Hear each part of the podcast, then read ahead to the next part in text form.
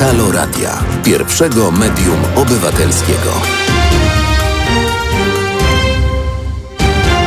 Zaczynamy Halo Aktualności. Dzień dobry. Dzisiaj, jak Państwo słyszycie, a może też również możecie podejrzeć, nie ma Mariusza Rokosa. Dzisiaj jestem ja, Kornel Wawrzyniak. I to ja Państwa zapraszam dzisiaj na aktualności, ale spokojnie. Wszystko w porządku. Mariusz wraca do Państwa już jutro za sterami Filip. E, Filip, Filip, Filip, Filip, czyli nówka sztuka prawie że nieprzechodzona. E, no i cóż, e, dużo się dzieje, dużo się dzieje. Moja przeglądarka pękła w szwach po prostu, żeby Państwu o wielu rzeczach opowiedzieć. Mamy dzisiaj znakomitych gości. I cóż, skrzynka no jaka skrzynka mailowa jest otwarta do komunikacji epistolarnej. Teraz małpahalo.radio. Można do nas pisać w sprawach wszelkich. E, aktualnością jest również to, że komuś pękła rura, prawda? No i telefon do studia 22 39 059 22. Jesteśmy też na czacie YouTube, Facebook też Państwa ugości, żeby z nami pogadać oraz jesteśmy w serwisie Mixcloud. Przypominam również, że utrzymujemy się z Państwa datków i to dzięki Wam możemy robić tak dobrą robotę, jak robimy, bo mam nadzieję, że robimy tak dobrą robotę. A już za chwilę zobaczymy, co wydarzyło się dzisiaj, czyli 10 w przeszłości i w przyszłości. Zapraszamy na Halo Aktualności.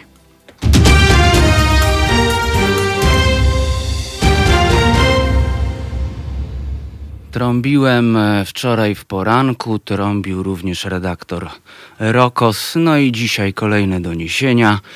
E, o co chodzi? Chodzi oczywiście o noszenie maseczek, na które część osób się obraża. No więc porozmawiamy dzisiaj o tym. Porozmawiamy z doktorem habilitowanym Tomaszem Dzieciątkowskim, e, wirusologiem, o prognozach Instytutu Ewaluacji i Metryki Zdrowia z Uniwersytetu Waszyngtońskiego, e, o prognozach dla Polski, konsekwencjach nienoszenia maseczek. W skrócie tylko Państwu powiem, że Instytut Ewaluacji donosi, że przy takiej tendencji, jaką w tej chwili mamy, jeśli chodzi o e, rozwój pandemii w Polsce, jak również to, jakie mamy obostrzenia, czyli obostrzenia nie trzymające nas, ujmując to tak, e, można powiedzieć, mocno za twarz, będziemy mieli w grudniu średnio 800 zakażeń dziennie. Więc zapytamy doktora habilitowanego Tomasza Dzieciątkowskiego e, o konsekwencje nienoszenia maseczek. Czy to może jednak mit, a może nie, bo może mnie się tylko wydaje. W każdym razie będzie dziś na początku medycznie. Będziemy też rozmawiali o e, koncernie AstraZeneca, który wstrzymał swoje testy kliniczne szczepionki na COVID-19 Powód to powikłania u jednego z pacjentów, który brał udział w testach klinicznych. To nam zrelacjonuje nasz korespondent we Francji, w Strasburgu, e, Zbigniew Stefanik. E, no właśnie, i tak się nagle okazuje, że od paru miesięcy wszyscy się tak troszeczkę przejmujemy kwestiami bioetycznymi. E, wszyscy się przejmujemy kwestiami bioetycznymi. Troszeczkę się zaczęliśmy na przykład zajmować, przejmować ogólnie no nawet takim można powiedzieć cyklem badań, e, badań klinicznych, testów klinicznych, no bo wszystkim nam zależy, żeby jak najszybciej ta szczepionka się pojawiła. Też jakiś czas temu rozmawialiśmy o tym, bodajże ze trzy tygodnie temu na antenie w Halo Aktualnościach. E, otóż Rosjanie donoszą, że już mają szczepionkę. E, donosili przynajmniej wtedy. No i też e, e sam Władimir Putin chwalił się, że już zaszczepił tą wspaniałą miksturą e, swoją córkę. No cóż, zobaczymy. Tu jest e, wiele kontekstów. Jednym z nich jest taki, który przywodzi mi na myśl e, która przywodzi mi na myśl, no taką można powiedzieć, e, sytuację trochę z, e, przypominającą zimną wojnę. Zimna wojna na szczepionki, Amerykanie, Europejczycy, e, Rosjanie. No zobaczymy. Odsyłam w każdym razie do rozmowy z e, Witoldem Juraszem na ten temat. e, którą można znaleźć w podcastach. To była bardzo, bardzo ciekawa, interesująca rozmowa. Cóż jeszcze dzisiaj nas czeka? Porozmawiamy z aktywistką Mają Staśko e, o jej starciu i można powiedzieć, że już o końcu batalii e, prawniczej z Anną Lewandowską. Właściwie to taka batalia prawnicza, do której nie doszło, no ale Maja się zetknęła z taką machiną prawniczą, bezduszną, można powiedzieć, machiną prawniczą e, Anny Lewandowskiej, no bo jak rozmawialiśmy już e, i z Mają na antenie w aktualnościach i ro, rozmawiała też e, nasza nowa koleżanka, redaktor Dudek z samą Mają w poniedziałek, też odsyłam do podcastu oczywiście. No to cóż, Maja napisała co myśli o tym, co zrobiła Lewandowska, no i dostała, co ciekawe, na Instagramie wiadomość o możliwości procesowania się i żądaniu 50 tysięcy złotych. Czy była to, można powiedzieć, e, przemoc, przemoc finansowa wobec aktywistki? Eee, a może coś innego? No zapytamy Maję e, Staśko o to. No i zaczniemy przede wszystkim od pytania o to, czy mamy dziś co świętować, skoro widmo tej batalii się skończyło. Ja też mam e, swoje zdanie na ten temat, ale to wyjdzie w rozmowie z Mają. Kolejny temat e, to będzie, no cóż, deweloperzy. Deweloperzy. Czy ktoś lubi deweloperów? Pytanie do Państwa. Deweloper zaczyna budowę ośrodka dla osób w kwarantannie w otulinie rezerwatu przyrody Łosiowe Błota. No i pytanie, hit czy kit? Dla mnie hit, że w, kwaranta że w kwarantannie buduje się, e, posługując tarczą 2.0, mm, ośrodek, który potem ma zostać kompleksem domów jednorodzinnych które to zostaną sprzedane prawdopodobnie za grube pieniądze. No ale deweloperzy wykorzystują e, wykorzystują tutaj e, dziurę, czy też możliwość, jaką daje e, tarcza 2.0, wersja 2.0 tarczy, która mówi, że no jak się buduje takie przybytki związane z walką z COVID-em, no to, no to można sobie pewną drogę legislacyjną skrócić, pyk, pyk, pyk, pyk, pyk no i co? No i drzewa już są wycinane mm, w kwarantannie. E, podobnież w kwarantannie e, mają zostać wybudowane właśnie takie e, domy, żeby tam się ci ludzie izolowali. Potem te domy mają zostać sprzedane, a wszystko to w otulinie rezerwatu przyrody Łosiowe Błota. O tym porozmawiamy z Wojciechem Łuczką z Miasto jest Nasze który nam no, wytłumaczy, czy to hit, czy kit. Dla mnie samym hitem jest już po prostu pomysł na budowę ośrodka dla osób w kwarantannie. No bo co? Domy po 140 metrów, które zostaną potem sprzedane za grubą kasę, mają nagle, nie wiem do kogo trafić, do osób, które nie mają gdzie spędzać kwarantanny? O tym w tym projekcie zdaje się nie było mowy, więc zlustrujemy ten projekt. Zobaczymy, co tam się dzieje. E, potem połączymy się z redaktor Sylwią Czubkowską ze Spiders Web Plus i porozmawiamy o krążącym w sieci nagraniu z samobójstwa Amerykanina i bezsilności algorytmów e, w tej kwestii i trollach na TikToku. Potem, e, potem co? Potem zobaczymy się, zobaczymy się, nie, dzwonimy się z redaktorem Tomaszem Piątkiem, e, ponieważ premier Morawiecki stwierdził, że handel z Rosją to zbrodnia. Tymczasem są dowody na to, że sam Morawiecki robił z Rosją interesy, więc no cóż, można powiedzieć kolejny odcinek sagi o wydłużającym się nosie pana premiera, czyli kolejny odcinek o kłamstwach Pinokia. Tak to można w sumie nazwać. Imieniny obchodzą dzisiaj Łukasz oraz Agapiusz, Aldona, Anioł, Antoni, Bernard, Bonaventura, Datyw, e, Diomedes, Dydym, Felix, Franciszek, Izabela, Kandyda, Karol, Klemens, Leon, Leona, Lucjusz, Łucjusz, Mikołaj, Monika, Mścibor, Nemezjan, Nikola, e, Nimfodora, e, Piotr, Polian, Poliana, Polianna, Pulcheria, Salwiusz, Sebastian, Sobiesław, Teodor i Wiktor. Wszystkiego najlepszego. E, mamy Światowy Dzień Drzewa, mamy Dzień Solidarności z osobami chorymi na schizofrenię, e, mamy też Światowy Dzień Przeciwdziałania Samobójstwom. No i tu nam się troszeczkę ten temat, e, ten temat nam się tutaj troszeczkę sklei z całą tą sytuacją internetową.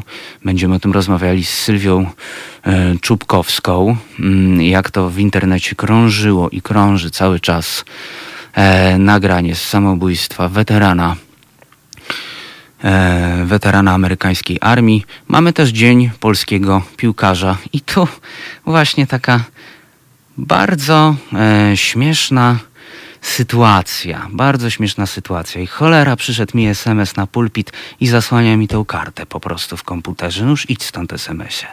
SMS-ie. No bardzo śmieszna sytuacja a propos Dnia Piłkarza, ponieważ CBA weszło do głównej siedziby PZPN. Chodzi oczywiście o aferę melioracyjną. CBA na polecenie prokuratury krajowej dokonało dzisiaj kilkunastu przeszukań w związku z właśnie z aferą melioracyjną. Przeszukano m.in. główną siedzibę PZPN w Warszawie oraz Urząd Miejski w Koszalinie. Ciekawa sytuacja, zobaczymy jak się rozwinie. No dobrze, to cóż, zagramy teraz i słyszymy się już za chwilę z panem doktorem habilitowanym Tomaszem Dzieciątkowskim. Do usłyszenia już za chwilę. Słuchajcie powtórki programu.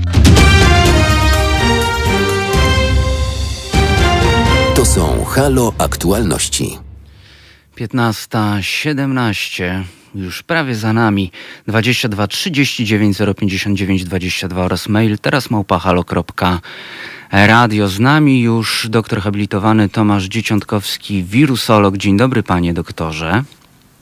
Dzień dobry panie redaktorze, dzień dobry państwu. WHO uznało koronawirusa mm, za zagrożenie zdrowia publicznego i głosiła go jako czynnik pandemiczny już 11 marca tego roku. No i od czasu jego pierwszego rozpoznania w kilku krajach zakażenie to dotknęło ponad 27 milionów ludzi. I jak donosi pan na swoim Facebooku e, Tomasz Dzieciątkowski, Trust me, I am a virusologist. SARS-CoV-2 powszechnie rozprzestrzenia się drogą kropelkową poprzez cząstki powstające podczas mówienia, kaszlu i kichania u zakażonego pacjenta. No więc moje pierwsze pytanie, panie doktorze, jest takie. To co z tymi maseczkami? Nosić, nie nosić, lubić je i jeśli nosić, to, to jakie? E, zdecydowanie maseczki należy nosić. E, to, czy akurat możemy je lubić, czy nie, to jest kwestia dyskusyjna tak naprawdę e, często jest tak, że e, lek, który jest skuteczny, nie musi być lubiany, a maseczki e, oczywiście zależy od tego, jakie, ale skuteczne są. Rozumiem. Czyli maseczki niezależnie od tego, bo też by, był taki hype na początku pandemii, żeby tu nosić jakby jak najszczelniejsze maseczki, ale rozumiem, że jeśli wirus przenosi się drogą kropelkową, to jest też tak, że każda maseczka jest dobra, żeby ograniczyć po prostu ten transfer wirusa. Dokładnie tak. E, koronawirusa SARS-CoV-2 można porównać do jeźdźca apokalipsy, który będzie cwałował wierzchem na rumaku, którym będą kropelki e, wydzieliny dróg oddechowych, które przede wszystkim wykrztuszamy. E, wykichujemy zdecydowanie rzadziej, dlatego że akurat przy zakażeniu COVID-19 katar zdarza się stosunkowo rzadko, kaszel jest najczęstszy. Oczywiście tego typu bioaerozole będą się również tworzyły podczas zwykłego mówienia, ale tu należy podkreślić bardzo, bardzo wyraźnie, że jeżeli jak mówimy czy oddychamy, to e, tych kropelek jest niewiele, są one bardzo małe, w związku z tym można powiedzieć, mają one daleko mniejszy zasięg. Panie doktorze, bo tak przyszło mi do głowy dosłownie przed chwilą. Zainspirowany jestem tym, że zgubiłem zapalniczkę. I tak e, zastanawiam się, bo to nie jest chyba kwestia e, dosyć często poruszana. Jak jest z COVID-em i palaczami? E, tutaj akurat e, są już doniesienia, że osoby palące nawet e-papierosy e, są bardziej narażone nawet na ryzyko zakażenia koronawirusem. Mhm. Dlaczego? Dotyczy to zresztą podobnie, na podobnej zasadzie osób żyjących w regionach, w których jest duże zanieczyszczenie powietrza. Stąd też były hipotezy, że właśnie akurat miasto Wuhan, stąd Lombardia i nawet potencjalnie Śląsk. Dlaczego? Dlatego, że koronawirus, jeżeli będzie się unosił w powietrzu, w którym mamy dużo pyłów, będzie się w nim unosił po prostu dłużej. W związku z tym e, mamy palacze i czy osoby żyjące w e, tego typu zanieczyszczonym e, otoczeniu będą mieli większą możliwość e, zainhalowania, zaabsorbowania wirusa do swoich płuc, a że no niestety osoby mm, palące tytoń, tytoń, używające tytoniu mają jeszcze często mm, troszeczkę już zdewastowane płuca, to z kolei wirus będzie łatwiej wnikał do środka komórek. Zakładam również, że będzie taka osoba będąca palaczem ciężej tego koronawirusa przechodzić pewnie. Potencjalnie niestety tak. W związku z tym można podsumować to w ten sposób. COVID-19 jest bardzo dobrym pretekstem, żeby rzucić palenie. Bardzo dobrym, to prawda. Bo każdy pretekst jest tak naprawdę dobry, dobry żeby rzucić palenie, można tak powiedzieć. Ale teraz mamy taki pretekst ogólnoświatowy. Tak. No, to, to może trzeba o tym zacząć trąbić rzeczywiście, że, że jednak COVID ci zagraża jeszcze bardziej, kiedy palisz. Może będzie takie masowe rzucanie palenia, ale to się, przemysł tytoniowy się wścieknie wtedy. No dobrze, panie, panie doktorze, porozmawiajmy jeszcze o tej prognozie Instytutu Ewaluacji Metryki Zdrowia z Uniwersytetu Waszyngtońskiego, e, który pokazuje, że pod koniec roku możemy mieć dziennie w Polsce nawet 800 zgonów z powodu COVID-19. Jest to oczywiście prognoza. Ale czy to nie jest trochę mm, taka prognoza na wyrost, takie mocne straszenie? E, tutaj e, myślę, że jest to mocne straszenie. Dlaczego? Dlatego, że e, należy uświadomić sobie dwie kwestie. Tak naprawdę Polsce, o ile zapadalność na koronawirusa nie spada, to spada liczba zgonów. Dlaczego? E, I tutaj e, jest jedna dosyć bardzo przyzwoita hipoteza. Otóż koronawirus, proszę Państwa, się zmienia. Zmienia się jego budowa genetyczna, aczkolwiek nie zmienia się jego budowa zewnętrzna, przynajmniej nie, nie zdążyliśmy tego jeszcze zauważyć. E, natomiast budowa genetyczna preferuje w tej chwili wariant koronawirusa w Europie taki, który jest bardziej zakaźny, w związku z tym będzie łatwiej zakażał inne osoby, ale ten wariant wirusa jest zdecydowanie mniej śmiertelny. E, jest to zgodne e, z, z, powiedzmy sobie z logiką e, dla wirusa, dlatego że jeżeli akurat wirus spowodowałby wariant wirusa powodowałby za szybko zgony u pacjentów, no to z kolei akurat nie przenosiłby się dalej, więc sama biologia preferuje ten wariant, który nie jest specjalnie patogenny dla, dla, dla większości osób, natomiast roznosi się bardzo łatwo w społeczeństwie. To panie doktorze, czy można powiedzieć, że jeśli jeszcze trochę pożyjemy z wirusem, poegzystujemy, to on może tak wyewoluować, że nie będziemy się go musieli bać? Czy on może po prostu przyjąć taką formę, żeby się właśnie, tak jak pan doktor mówi, transferować jak najdłużej przeżywać, żeby przenosić się dalej? Więc czy, czy, czy, może, czy czeka nas, czy może nas czekać taka powiedzmy e, wersja koronawirus COVID-19 light? E, nie sądzę. Dlaczego? E, dlatego, że taka, taka wersja, która powiedzmy sobie atenuowała się sama, odzjadliwa i nawet znikła z powierzchni Ziemi, dotyczy starszego brata e, SARS-CoV-2, czyli SARS-CoV-1, który spowodował taką mikropandemię na przełomie 2002 i 2003 roku. Przy czym, dlaczego mikropandemia? Bo rzeczywiście ona występowała prawie na wszystkich kontynentach, ale zakażeniu uległo mniej niż 10 tysięcy osób. W związku z tym wtedy po prostu wirus rzeczywiście tak zmutował, że przestał być zakaźny i znikł.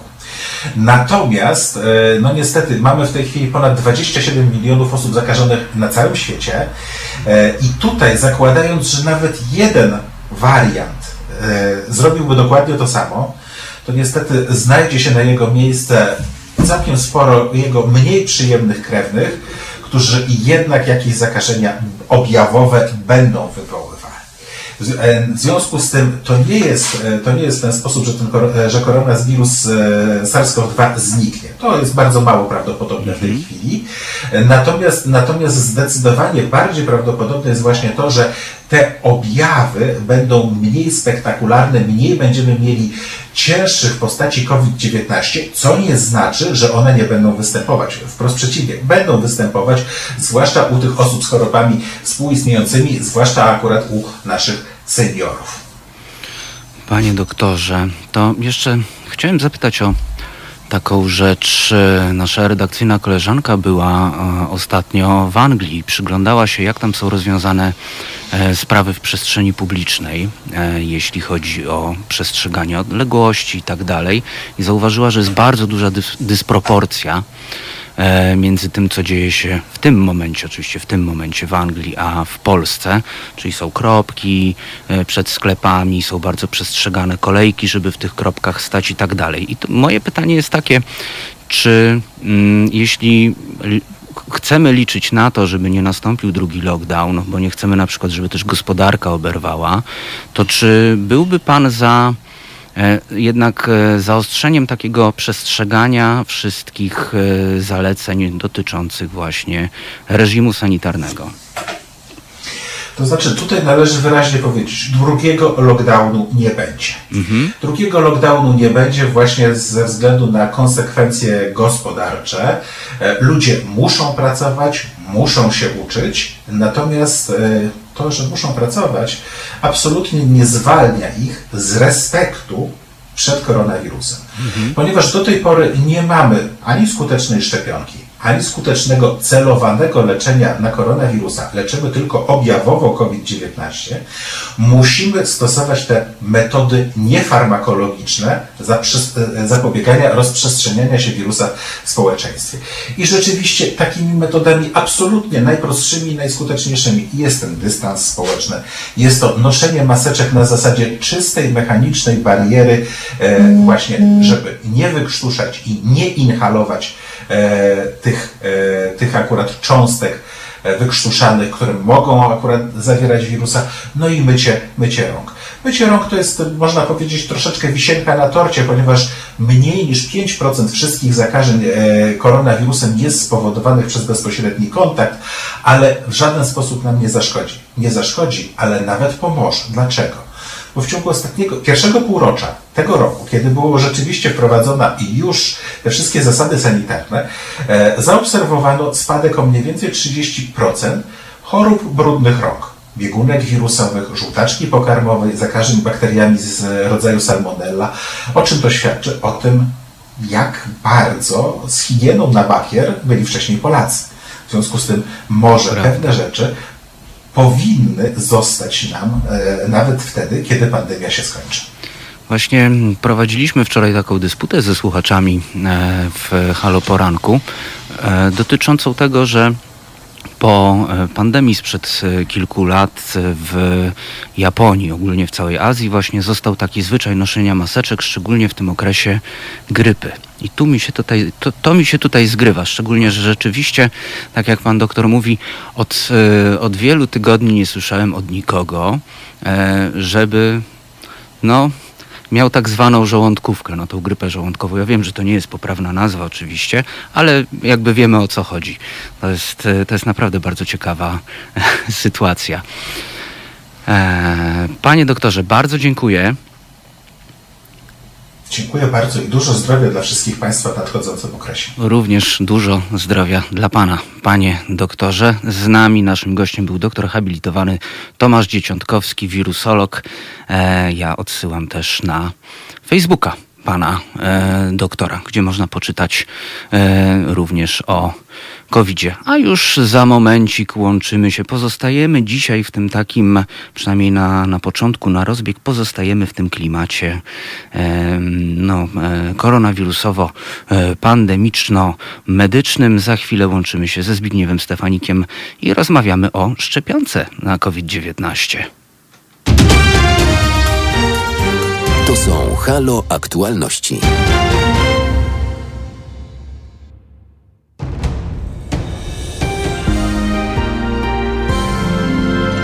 Dziś. Od 21 do 23 telefony od Państwa odbiera Roman Kurkiewicz. Rozmowa, dialog, zrozumienie i żadnej agresji. 21-23. Zapraszamy. www.halo.radio. Słuchaj na żywo, a potem z podcastów.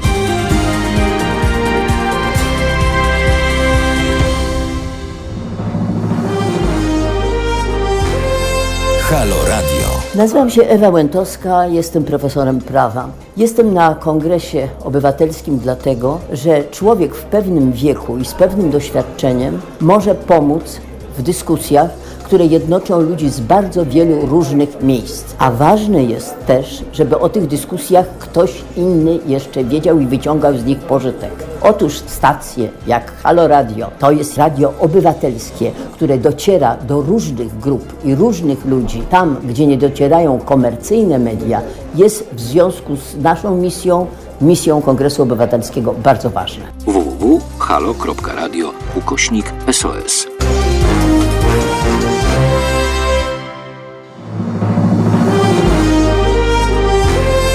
Halo Radio.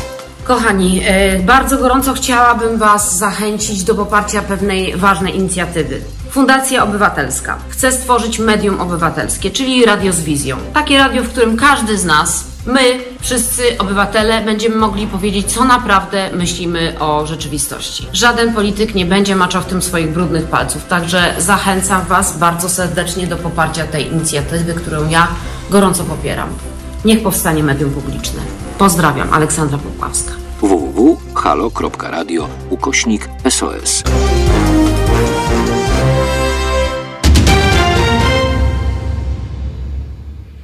Nie. I ten jingle bez. To są Halo Aktualności, więc ja powiem, to są Halo Aktualności na antenie Halo Radio w popołudniowym paśmie 15-17.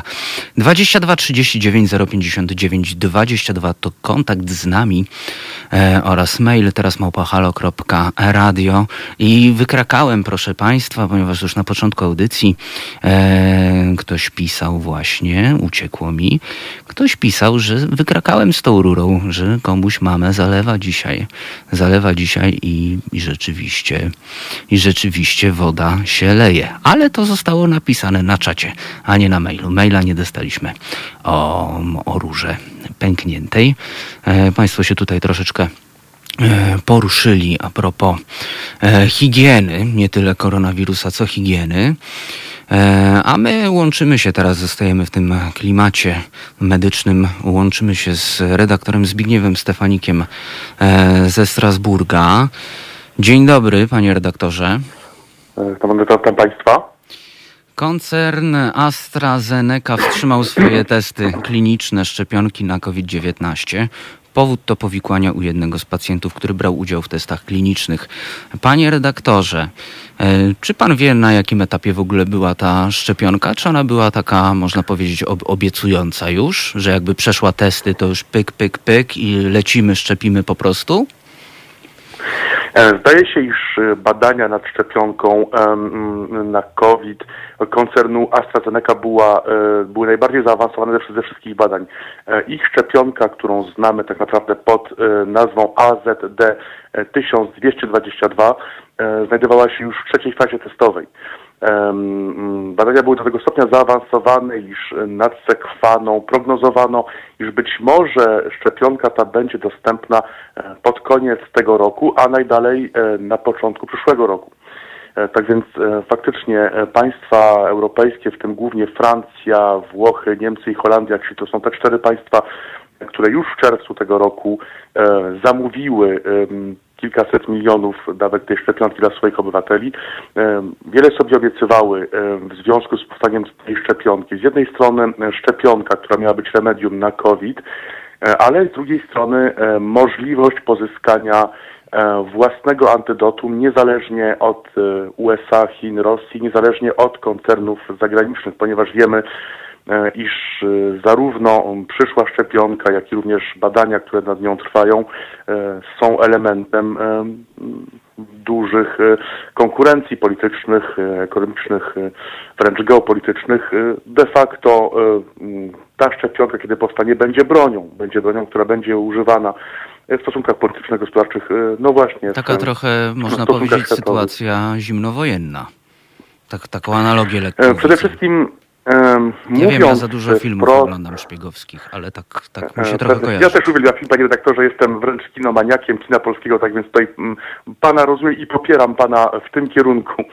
E, ale wracając e, do tematu szczepionka, z pewnością e, będzie ważnym elementem, który być może będzie wręcz wpływał na stosunki, układ sił na świecie mhm. za miesięcy czy też lat kilka. Tak więc z punktu widzenia Unii Europejskiej było bardzo ważne, aby właśnie uzyskać swoją własną szczepionkę, która byłaby niezależnie wyprodukowana i dystrybuowana od koncernów spoza Unii, jak i również od państw poza, poza Unii Europejskiej. Dlatego też e, no nie tylko Francja, Niemcy, Włochy czy Holandia, ale właściwie e, Komisja Europejska już w sierpniu e, również dążyła do współpracy z koncernem AstraZeneca, no właśnie nad najpierw utworzeniem, następnie wyprodukowaniem tej szczepionki.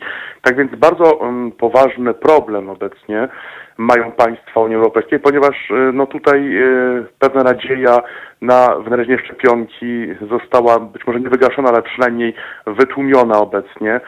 E, wreszcie pytanie, co będzie dalej? Czy faktycznie Unia Europejska będzie musiała kupić jakąś szczepionkę, która powstanie? Wiemy, że e, Rosja prowadzi badania. Te badania są co prawda kontestowane, jak również i wyniki, e, ale wiemy, iż Amerykanie, również Chiny, nie tylko, te wszystkie państwa pracują nad szczepionką. Tak więc pytanie, czy my jako Europa będziemy w stanie na podstawie umowy, którą zawarliśmy z danym koncernem, wyprodukować antydotum, e, które z jednej strony umożliwi nam niezależność, a z drugiej strony również sprawi, iż to antydotum nie będzie e, wygórowanie drogie, ponieważ wiemy, co stało się w przypadku koncernu Sanofi. Otóż przypominam, e, koncern Sanofi, którego to badania są w dużej mierze finansowane nad szczepionką przez Stany Zjednoczone, w pewnym oświadczeniu stwierdziło, iż USA e, będą miały e, pierwszeństwo w pozyskaniu szczepionki, czyli jak szczepionka powstanie, to najpierw Amerykanie będą mieli do niej dostęp, co zdaje się być logiczne, ponieważ no, jeśli Amerykanie finansują 90% badań nad tą szczepionką, no to można założyć, iż mogą oni pretendować do pierwszeństwa czy prymatu w tej szczepionce. Tak więc Europa chciała mieć swoją szczepionkę. Ta szczepionka miała być dystrybuowana i sprzedawana po cenie, po cenie produkcji, tak więc tutaj nie miano właściwie zarabiać na tej szczepionce inaczej niż właśnie inne koncerny. To i właśnie ta umowa pomiędzy czterema krajami, o których mówiłem, Francją, Holandią, Niemcami, Włochami i e, koncernem AstraZeneca zakładała, iż szczepionka będzie sprzedana, dystrybu dystrybuowana no właśnie po cenie kupna. Tak Panie redaktorze, teraz co dalej? E, panie redaktorze, przepraszam, ale muszę zadać jedno pytanie jeszcze. E, jak się miewa premier dzisiaj? E, premier e, pracuje, chociaż pracuje zdalnie. Otóż od dwóch dni e, francuski premier Jean Castex znajduje się na kwarantannie, która ma potrwać 7 dni. 7 dni, ponieważ nad Sekwaną zdaje się będzie wprowadzona pewna zmiana co do kwarantanny, które będą skrócone z 14 do 7 dni. Tak na tym etapie rekomenduje Rada Ekspertów, która doradza prezydentowi Macronowi. Jean Castex zaraził się Ojej, i coś nam zamilkło, tak to czasem jest. E, to ja Państwu powiem ciekawostkę taką e, bioetyczną, e, zanim wrócimy do rozmowy z panem redaktorem Stefanikiem. Otóż AstraZeneca jest nazywana często wśród osób zajmujących się badaniami klinicznymi, w sensie nie tyle badaniami. Słyszymy się? Słyszymy się, tak. To ja, do, ja dokończę ciekawostkę jeszcze tylko, panie, panie redaktorze, teraz.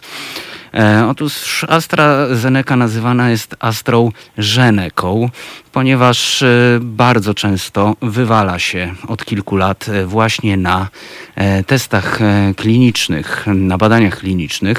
No i ostatnio taką najgorszą wpadkę Astra zaliczyła podczas testów chemioterapii, gdzie było 19 zgonów wśród ochotników.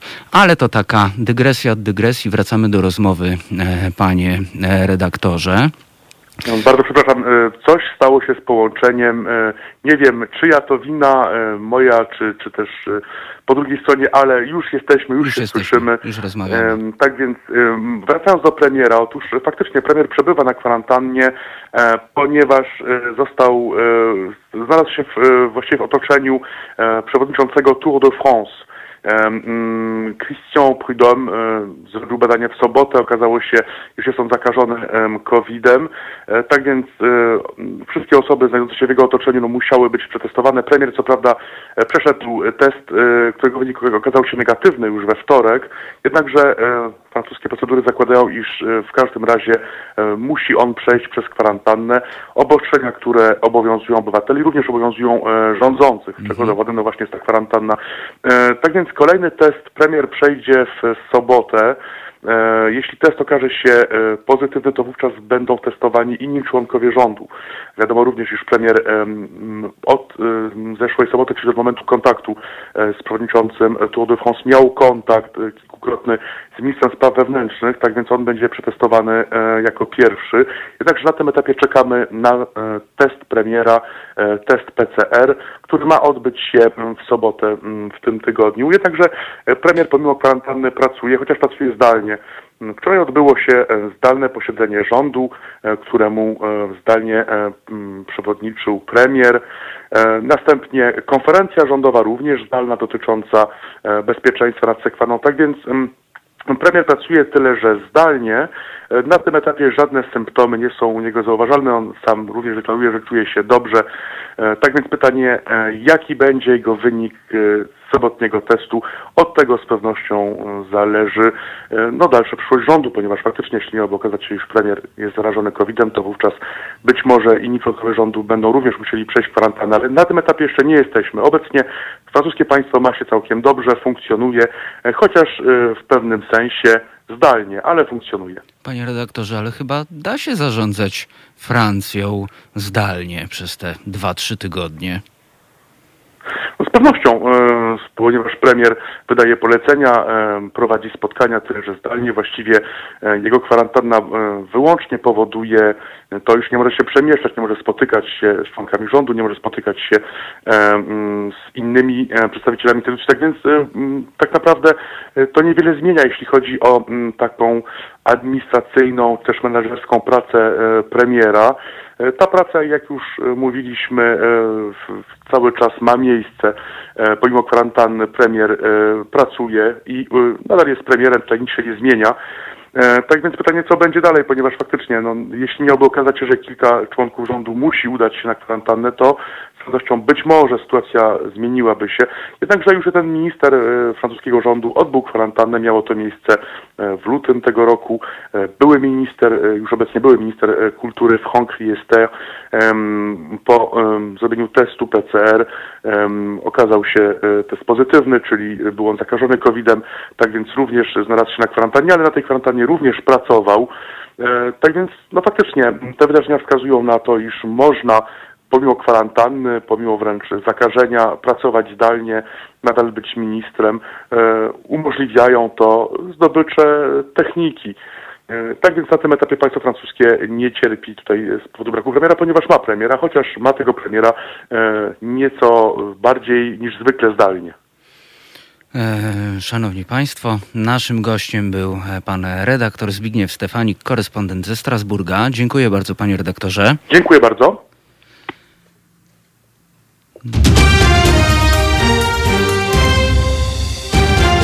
To są Halo Aktualności.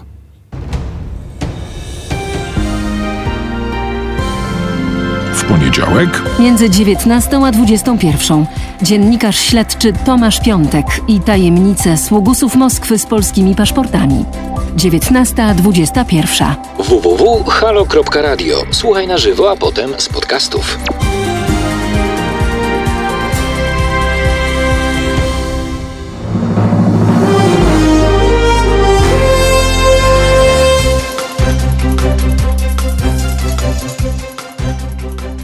Wszystkim Państwu serdecznie dziękujemy za stałe finansowanie działalności Halo Radia.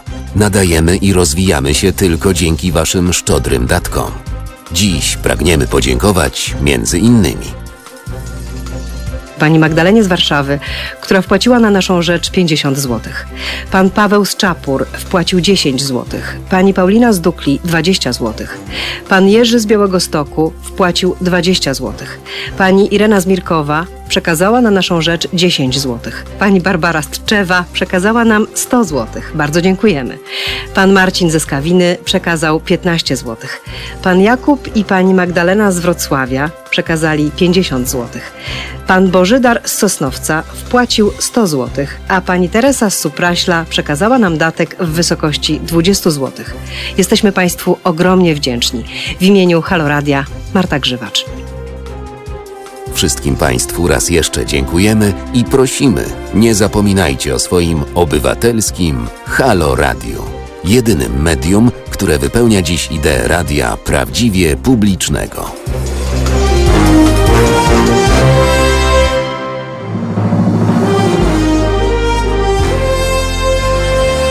Jutro.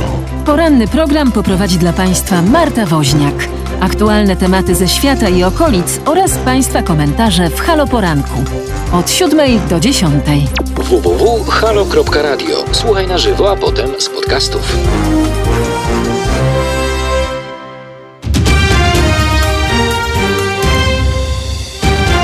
Słuchacie Halo Aktualności. No i łączymy się z e, aktywistką e, Mają Staśką, to znaczy czekamy.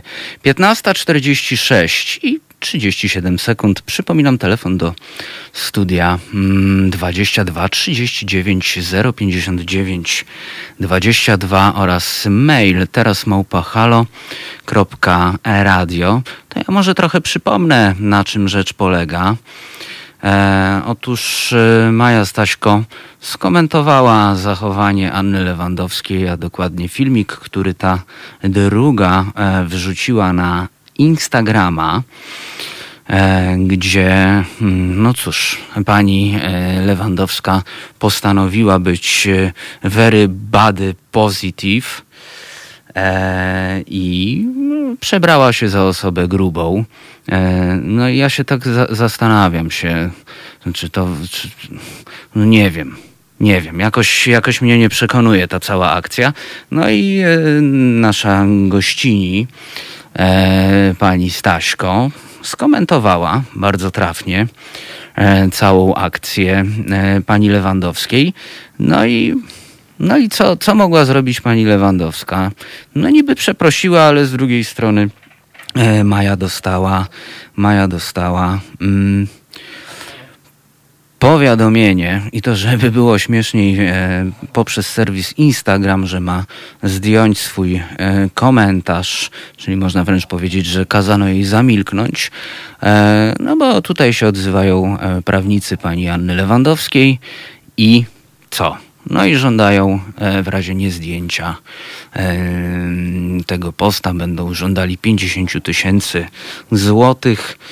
I, I co dalej? No i tak się jakoś sprawa e, rozegrała, że pani Ania Lewandowska się jakby wycofała z całej tej sytuacji, ale to rodzi kilka ciekawych problemów moralnych, czy też problemów społecznych dotyczących, no takiej można powiedzieć, e, przemocy finansowej przemocy finansowej, e, w której, no, można tutaj powiedzieć, że no zawsze ten e, bogatszy, którego stać na dobrych prawników, będzie mógł zamknąć komuś po prostu usta, kiedy ten będzie nawet miał słuszność.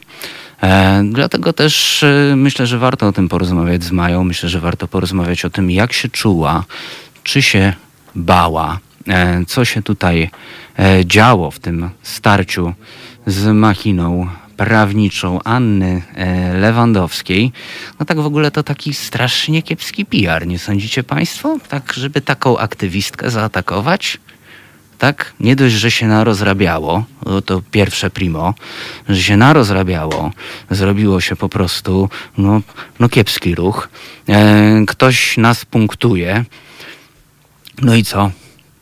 a my nasyłamy prawników, no to drugie primo, kiepski ruch, no to tak jak dodać pierwsze primo do drugiego primo, no to w ogóle fatalnie, no po prostu fatalnie. PR-owo, PR-owo dokładna odwrotność u pani Anny Lewandowskiej, jak w piłce nożnej u jej e, męża, no Roberta Lewandowskiego. Strasznie kiepska sprawa, tak z takiego punktu e, marketingowego można powiedzieć. Na wiadomo, że jakby cały biznes Anny Lewandowskiej właśnie opiera się na marketingowaniu. I jest z nami już aktywistka e, i publicystka Maja Staśko. Dzień dobry. Dzień dobry, miło mi, że tu jestem z wami. No tak, zrobiłem odrobinę w, wprowadzenia mm, w ten nasz e, temat. E, no i pierwsze pytanie do Ciebie, Maju. No bo jakby sytuacja się już skończyła, można powiedzieć. Ania Lewandowska, mhm. można powiedzieć, wycofała się rakiem e, z całej sytuacji. No to pierwsze pytanie jest takie, czy jest co świętować? Czy mamy co świętować? E, no myślę, że z jednej strony tak, ponieważ udało się nawet nie, nie tyle sprawić, że tego pozwu nie będzie, no bo Tutaj oczywiście to też jest plus bardzo duży, ale przede wszystkim została nagłośniona sprawa e, związana z dwiema rzeczami. Pierwsza to jest e, fat shaming, czyli dyskryminacja osób grubych, a druga to e, dyskryminacja ze względu na zamożność, czyli pokazanie, że bogaci dzięki pieniądzom, dzięki dostępowi do najlepszych prawników mogą po prostu więcej. Więc dla mnie to jest sukces, że te dwie kwestie się pojawiły, że zaczęły być dyskutowane, też, że um, takie pogróżki czy takie straszaki właśnie pod postacią pozwów, okazało się, że one istnieją, e, zaczęły być widoczne, bo zazwyczaj no, one służą dokładnie temu, żeby uciszać osoby, a nie żeby było głośniej. E, więc y, tak, myślę, że, że tu warto świętować. Warto też świętować to, że po e, tych wszystkich postach związanych z fatshamingiem odezwało się do mnie bardzo, bardzo dużo osób, e, które podzieliły się swoimi doświadczeniami. Każde z tych doświadczeń zapisałam na Instagramie e, i to też było bardzo ważne, ponieważ to pokazało, że taki taniec w stroju może być śmiesznym żartem dla jednej osoby, a dla drugiej osoby to może być po prostu życie. To może być ciało, w którym ona chodzi codziennie do pracy, do sklepu, w którym słyszy bardzo okrutne komentarze, w którym robi zakupy i też słyszy, że za dużo je. Więc y, myślę, że tutaj zdecydowanie są to sukcesy, natomiast ja bym nie odtrąbiła sukcesu, że oto jakieś porozumienie się pojawiło, czy jakiś dialog. No trudno mówić o porozumieniu, kiedy pani Anna Lewandowska ani razu się ze mną nie skontaktowała. Cały czas na początku to było pismo od prawników, następnie kontaktowałam się z menadżerką, zresztą świetną, bardzo fajną osobą. Natomiast pani Anna Lewandowska y, nie podjęła tego dialogu. Ja raczej rozmawiałam z machiną, czy też z imperium Anny Lewandowskiej i to, i to tutaj miałam kontakt z tymi osobami. No oczywiście o żadnym porozumieniu nie ma mowy, kiedy z jednej strony mamy imperium, a z drugiej strony mamy osobę, która po prostu nie wie, czy będzie miała za co żyć. No to mi przypomina trochę taka analogia mi przyszła do głowy, że to jest takie jakby zejście. Powiem ci w ogóle skąd mi to przyszło do głowy. Zacznę od mhm. początku, bo wykoncypowałem dzisiaj po rozmowie z tobą rano taką sytuację, e, jakby przeczytałem o wszystkim, śledziłem sprawę i pomyślałem sobie tak, kurczę, przecież najlepsze, co można byłoby zrobić w, w wypadku tutaj e, pani Lewandowskiej, to tak naprawdę pójść z tobą ręka w rękę w tym momencie. E, nakręcić jakąś fajną akcję, wiesz, wspólnie i tak dalej. Czyli okej, okay, tutaj e, no w topa, ale chciałam dobrze, więc pokażę, że chcę dobrze, więc dogadam się z osobą, która mnie wypunktowała i nauczę się czegoś o tym fat shamingu. Ale potem przyszło mi do głowy, że jednak Anna Lewandowska jest trochę takim, buduje taką trochę swoją legendę, markę, jest pomnikiem, więc ona jakby nie może zejść do ciebie, przyznając się do błędu z tego, można powiedzieć, Olimpu. I to mi mhm. jeszcze się tak e, zazębia właśnie z tym, że nikt się z tobą nie skon, że, że, że, że ona sama się z tobą nie skontaktowała. To po pierwsze. E, po drugie, że no jakby nie, nie weszła w, z tobą w żaden dialog, e, oprócz straszenia właśnie konsekwencjami finansowymi, no bo jakby wiadomo, boków się nie rusza. Tak, tak. Też mam takie wrażenie, że tutaj e, bardzo wyraźny był e, ten podział na e, osoby wyższe, czy też elity, czy po prostu no, bogatsze. Tutaj głównie przecież wokół tego to się wszystko obraca. No a takie zwykłe osoby, które mogą dostawać takie pozwy, czy mogą być uciszane tylko za to, że, że mm, śmiały skrytykować jakąś akcję, więc myślę, że tutaj dosyć wyraźnie pojawił się ten podział, który jest w istocie podziałem klasowym. No nie ma co tutaj nawet za bardzo e, próbować krążyć. To jest podział wokół e, finansów, pozycji też społecznej związanej z pieniędzmi. E, no, podział na elity i na, i na te zwykłe osoby. I wydaje mi się, że też ta sympatia, z którą ja się spotkałam po tym, jak to nagłośniłam, jak, jak też powiedziałam wprost, co się stało i potem jak pisałam kolejne posty, właśnie wynikała z tego, że większość osób, większości osobom było łatwiej się zidentyfikować ze mną, osobą, która, dla której 50 tysięcy złotych to jest dosyć y, kosmiczna kwota, której nie mam po prostu, y, niż z milionerką, która nie dopuszcza żadnej krytyki do, do siebie, nawet, nawet dosyć wyważonej, no bo prawda jest taka, że mój największy zarzut był taki, że wykazała się y, skrajnym brakiem empatii. No, nie jest to obraza, nie jest to rodzaj dyskryminacji, jakiś hejt, ani nic takiego, po prostu była to krytyka, więc myślę, że zdecydowanie to, to była taka próba e, pokazania, że bogaci mogą więcej, bogatych nie można krytykować, a jak to wypłynęło, to rzeczywiście um, wielka, wielka sympatia bardzo wielu osób, no bo nie uczmy się, no większość z nas milionerami nie jest, a nawet y, powiedziałabym, że tych milionerów jest zdecydowana mniejszość. Maju, chciałem Cię jeszcze na koniec zapytać o jakby to, jak się czułaś e, w trakcie tego wszystkiego, ale nie tylko o to, bo myślę sobie tak, że no, jednak wywołano w tobie takie poczucie strachu. Czy chciała, na pewno chciałabyś, żeby cię przeproszono? Szczególnie, że wycofano się rakiem jakby, czyli no w jakimś stopniu przyznano ci rację samym wycofaniem się e, z, z tych konsekwencji prawnych, którym ci grożono. Tak, tak, nie, no niewątpliwie te przeprosiny to było dla mnie takie must be i kiedy rozmawiałam z menadżerką y, o tym, że pozwu nie będzie, to dopytywałam cały czas, czy przeprosiny w związku z tym będą. I wtedy słyszałam właśnie słowa o tym, że trzeba się porozumieć i tak dalej, no jakby te piękne, y, gładkie frazy, które łatwo powtórzyć. Natomiast rzeczywiście to jest coś, czego mi bardzo brakowało. Ja w ogóle miałam wrażenie, że e, to była taka kwestia pomijana. Anna Lewandowska odnosiła się do tego filmiku z y, Facjutem i rzeczywiście no, przepraszała, robiła ten non-apology, ale przynajmniej o tym wspomniała. Natomiast e, nie wspomniała ani razu, e, jako ona, e, o tych pozwach. Nie wspomniała o, bo przecież pozew był także w kierunku Ewy i, i w kierunku mnie, więc właściwie miałam wrażenie, że nie dość, że próbowano mnie uciszyć, to jeszcze teraz w ogóle jestem, jakby, jakby, mnie nie, jakbym nie istniała. Jestem ignorowana jako, jako, ta, jako ta sprawa. No i przyznam, że nie zdziwiło mnie to jakoś szczególnie. Nie zmartwiło też nie, bo to nie jest tak, że ja mam jakieś wielkie, wysokie oczekiwania od milionerów, którzy mm -hmm. próbują mnie uciszać. E, natomiast to mi tylko pokazało, że nikt o mnie nie zawalczy, że nikt y, łaskawie nam nie odda jakichś takich praw, czy chociażby przeprosin, czy czegokolwiek, że no musimy krzyczeć, musimy walczyć o siebie, musimy solidarnie się wspierać e, i tyle, bo my jesteśmy po jednej stronie, a po drugiej są właśnie osoby, które nas krzywdzą. Maju, no trochę, trochę zapomniałaś o Fundacji Obywatelskiej Radio, bo my byśmy za tobą zawsze stanęli murem.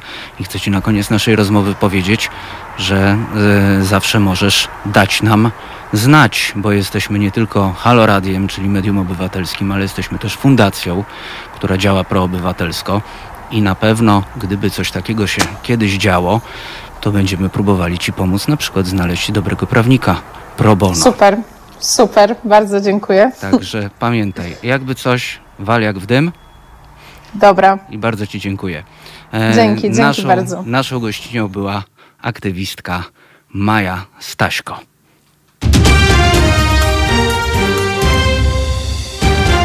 To są Halo Aktualności.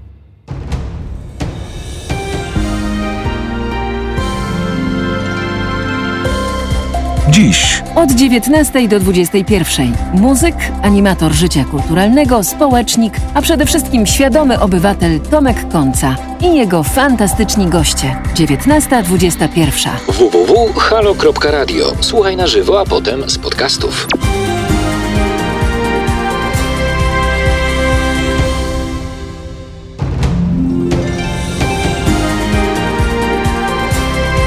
Halo Radio. Łączne zadłużenie polskich szpitali przekroczyło już 13 miliardów złotych. Tymczasem każdego roku Kościół katolicki kosztuje nas wszystkich prawie 20 miliardów złotych. Wiele z tych pieniędzy płynie do kościoła setkami kanałów dzięki setkom aktów prawnych tworzonych przez ostatnie 31 lat przez wszystkie rządy, by zapewnić sobie, jeśli nie przychylność, to choćby brak wrogości ze strony kościoła. Najwyższy czas, żeby rozpocząć dyskusję nad tym, jak przeciąć publiczne kanały finansowania Kościoła i doprowadzić do sytuacji, w której to zadeklarowani wierni wezmą swój Kościół na własne utrzymanie. Zanim jednak uda nam się doprowadzić do normalności, musimy wzajemnie się informować. Musimy wiedzieć, jak wielka jest skala tego bezprawia w ramach ustanowionego patologicznego prawa. Wesprzyj zrzutkę na rzecz pierwszej takiej kampanii społecznej w Polsce. Na www.zrzutka.pl ukośnik kampania. Siedem miast, dwa tygodnie ekspozycji na dużych nośnikach, a do tego zestawy billboardów mobilnych. Warszawa, Łódź, Kraków, Poznań, Katowice, Wrocław i Trójmiasto. www.zrzutka.pl ukośnik kampania. To ile kosztuje nas Kościół? Halo Radio. No proszę Państwa, bardzo namawiam do słuchania Halo Radia. To jest pierwsze radio obywatelskie i już bardzo ważne i bardzo istotne i tu się głównie gada, yy, ale gada się no takie mądre rzeczy, a w każdym razie prawdziwe. Agnieszka Holland. Tomasz Piątek. A ja zachęcam bardzo do wspierania Halo Radio, bo jeżeli nie będziecie go wspierać, to zniknie. www.halo.radio ukośnik SOS.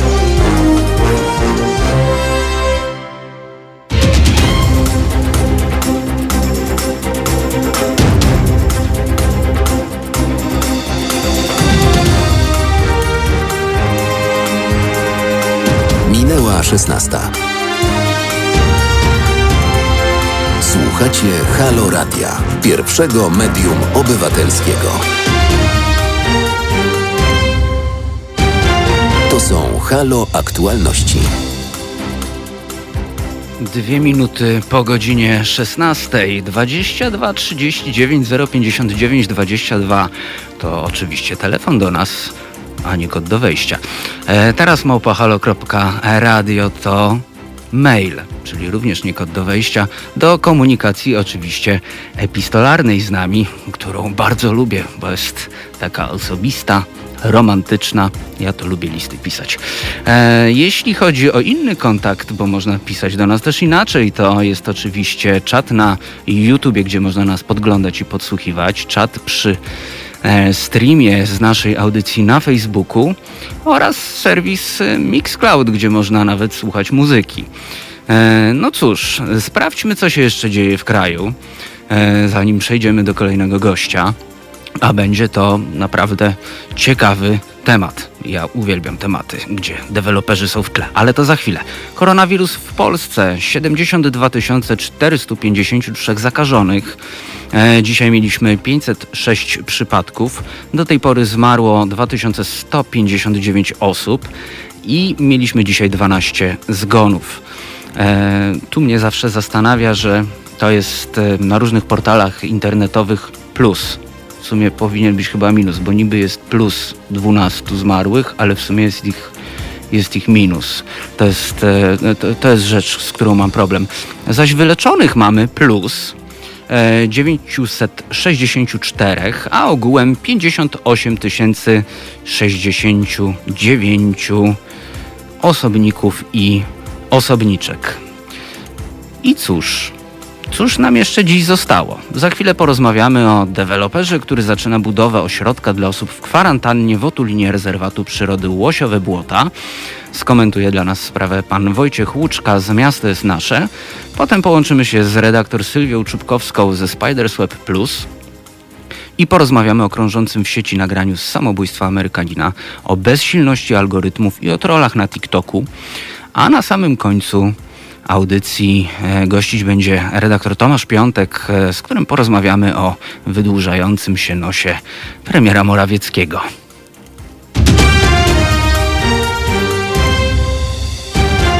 To są Halo Aktualności. Jest z nami pan Wojciech Łuczka z Miasto jest Nasze. Dzień dobry panie Wojciechu. Dzień dobry panie redaktorze, dzień dobry państwu. I co to się dzieje w rezerwacie przyrody Łosiowe Błota? Może wytłumaczmy tak e, najpierw, czym jest w ogóle otulina rezerwatu? Właściwie trudno powiedzieć, kiedy należałoby zacząć tę historię. Ja może pozwolę sobie na taki szerszy kontekst sytuacyjny.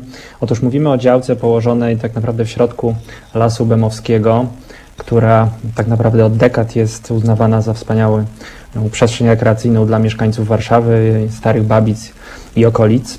Tak naprawdę cała ta sprawa, wydaje mi się, zaczyna się w roku 2003, kiedy mm, działka położona właśnie w środku tego lasu w otulinie e, rezerwatu została sprzedana przez wojsko, gdyż wcześniej te tereny dawno temu jeszcze były wykorzystywane przez wojsko. I w 2003 roku ta działka została sprzedana e, prywatnemu deweloperowi, e, panu Marianowi Okręglickiemu z mhm. spółki Sava Apartments. Tak naprawdę wówczas tej spółki nie było, to w międzyczasie jeszcze ta działka była przekazywana między spółkami, ale w każdym razie wtedy została sprzedana.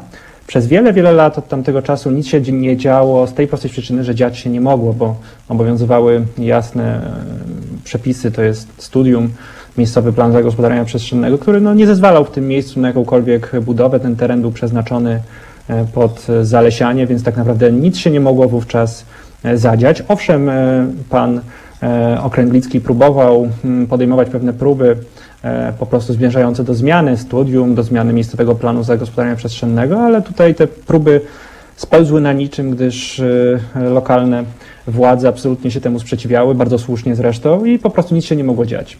I teraz pierwszy, mm, że tak powiem, e, krok, co istotny w tej sprawie, jaki miał miejsce, to e, rok 2018, gdy doszło do wprowadzenia ustawy tzw. Tak Lex Developer. To jest ustawa, którą jako Stowarzyszenie Miasto jest Nasze od początku mm, uznawaliśmy za bubel prawny i od samego początku, jeszcze przed jej wprowadzeniem w życie, mówiliśmy, że to prowadzi do całego mnóstwa konfliktów e, z mieszkańcami, E, że tak naprawdę jest to ustawa, która stanowi no, ogromny problem z punktu widzenia planistycznego i może doprowadzić do budowania w sposób całkowicie niezgodny z planowaniem przestrzennym. E, no ale niestety oczywiście ta ustawa została uchwalona, weszła w życie i ona właśnie dała furtkę panu Okręglickiemu do e, podjęcia pierwszej poważnej próby zabudowania terenu w, las, w środku Lasu Bemowskiego i rzeczywiście trybie ustawy Lex Developer został złożony w 2019 roku wniosek o zabudowę tego terenu przez około 13 apartamentowców. Mm, od razu ten projekt wywołał ogromne kontrowersje, mnóstwo mieszkańców protestowało, protestowały również lokalne władze, gdyż administracyjnie podlega pod e, Stare Babice i tam jakby toczyło się e, postępowanie.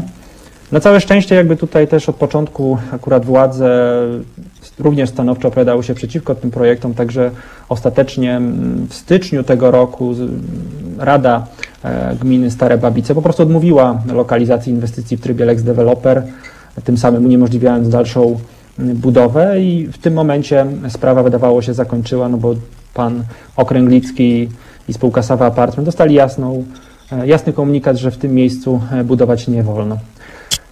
I kolejny zwrot nastąpił dosłownie kilka dni temu, gdy no, mm, gmina Stare Babice e, poinformowała o takim kuriozalnym wniosku, który wpłynął mm, do władz tego e, urzędu właśnie od pana Mariana Okręglickiego, że zamierza zbudować, e, zamierza jakby powtórzyć tę inwestycję, tylko tym razem w trybie ustawy koronawirusowej.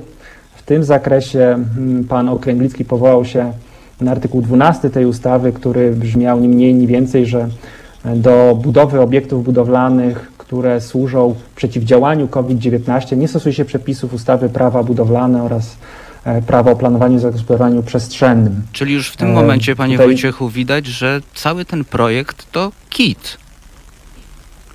Absolutnie, jakby tutaj. Bo to, e, z tego, co Pan mówi, to jest mhm. dokładnie to samo, co było, tylko z powołaniem się na nowe przepisy i nazwaniem tego ośrodkiem dla osób, które tam będą e, w kwarantannie.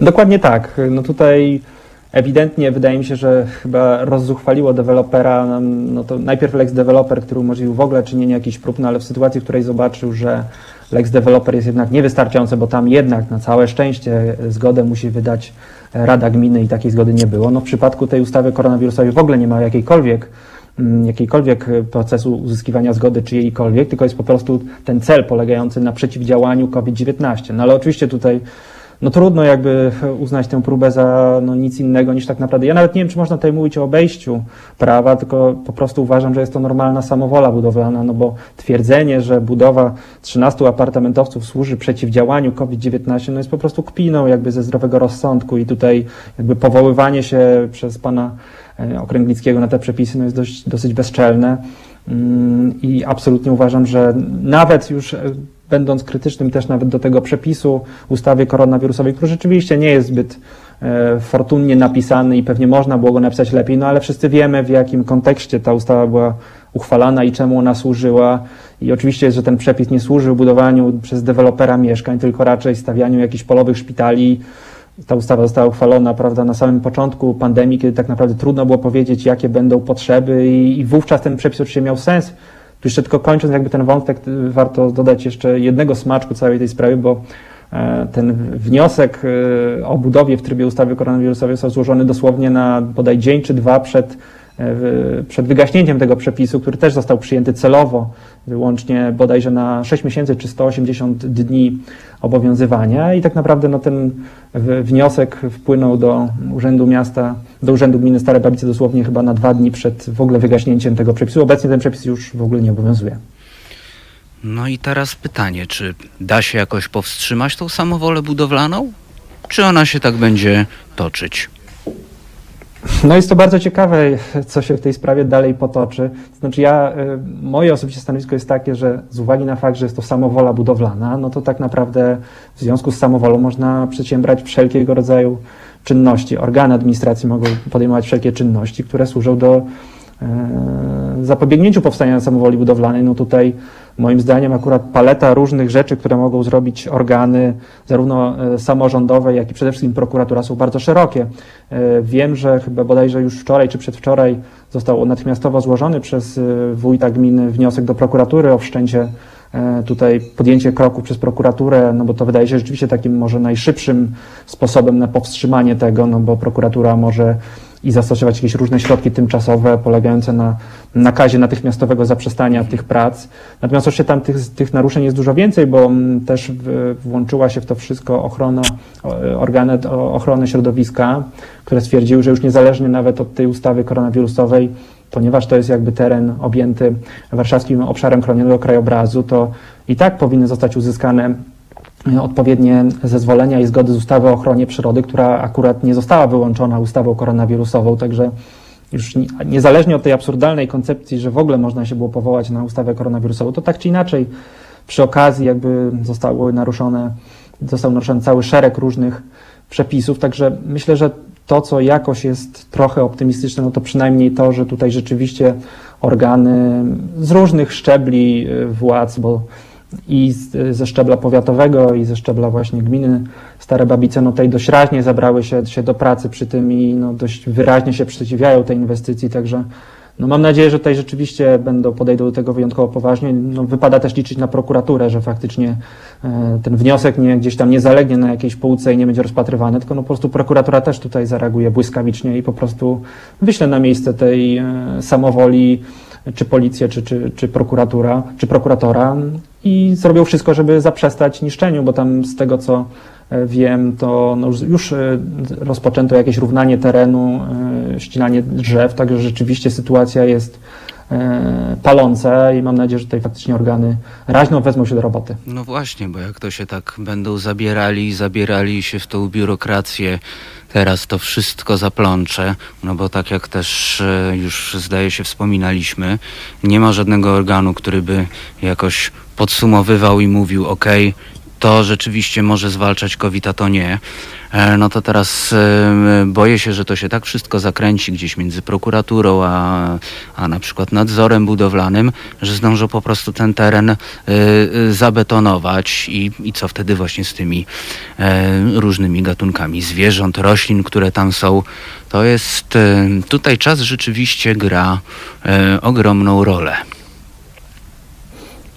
To, co mogę jeszcze tutaj e, powiedzieć, to i może też jest jakimś takim symptomem, gdzieś powoli zmierzamy do normalności, jest to, że na przykład dzisiaj mm, Polska, e, Polskie Stowarzyszenie Deweloperów wydało takie, taki komunikat, w którym trochę się odcinają też e, od tej inwestycji, a warto dodać, że pan Marian Okręglicki jest członkiem Rady tego stowarzyszenia.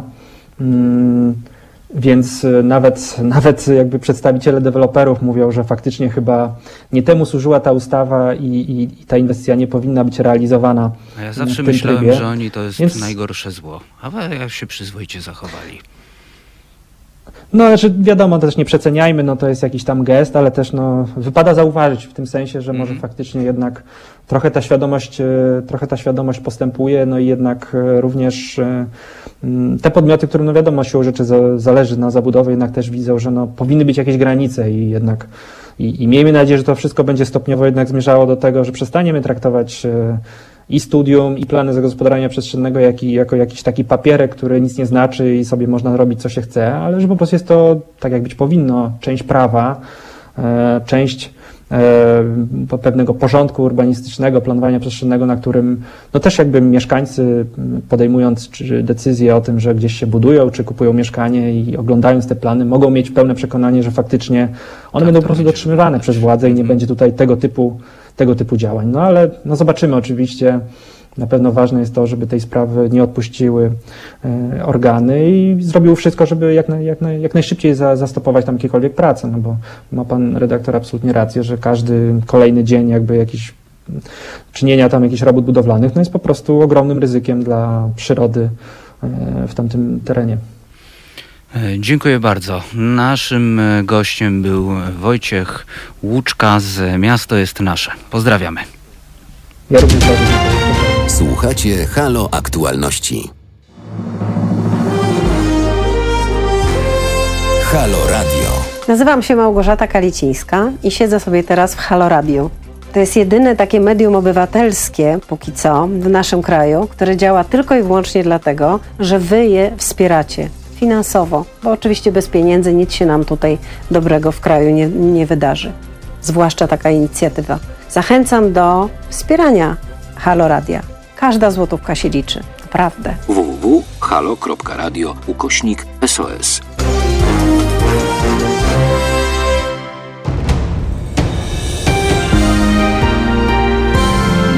Dziś od 17 do 19 zapraszamy na program Towarzystwa Dziennikarskiego pod redakcją Andrzeja Krajewskiego, ekonomisty, dziennikarza, byłego wiceprezesa Stowarzyszenia Dziennikarzy Polskich i byłego prezesa Fundacji Forum Obywatelskiego Rozwoju. Halo Wolne i Niezależne Media od 17 do 19. www.halo.radio. Słuchaj na żywo, a potem z podcastów.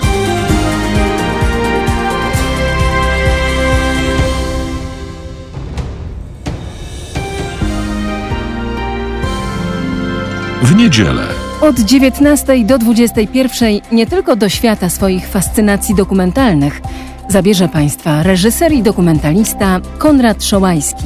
19.21. www.halo.radio. Słuchaj na żywo, a potem z podcastów.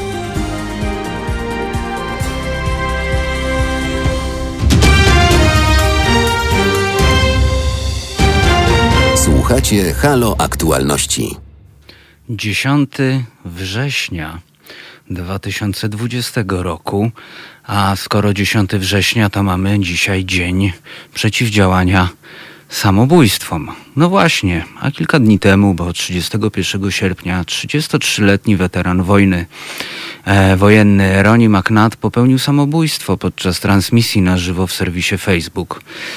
E, I to wideo cały czas e, krąży. O ile Facebook zdaje się jakoś sobie już z tym poradził, e, To wideo cały czas i to w różnych formach, również przerobionych, cały czas krąży w serwisie TikTok. Jak Państwo dobrze wiecie, nasze słuchaczki, nasi słuchacze wiedzą, że TikTok to oczywiście samo zło z Chin. Połączymy się potem z Tomaszem Piątkiem, więc na pewno nam coś o tym wspomni. A z nami jest, już połączyliśmy się z panią redaktor Sylwią Czubkowską ze Spiders Web Plus. No i właśnie będziemy o tym krążącym w sieci nagraniu rozmawiać. Dzień dobry pani redaktor.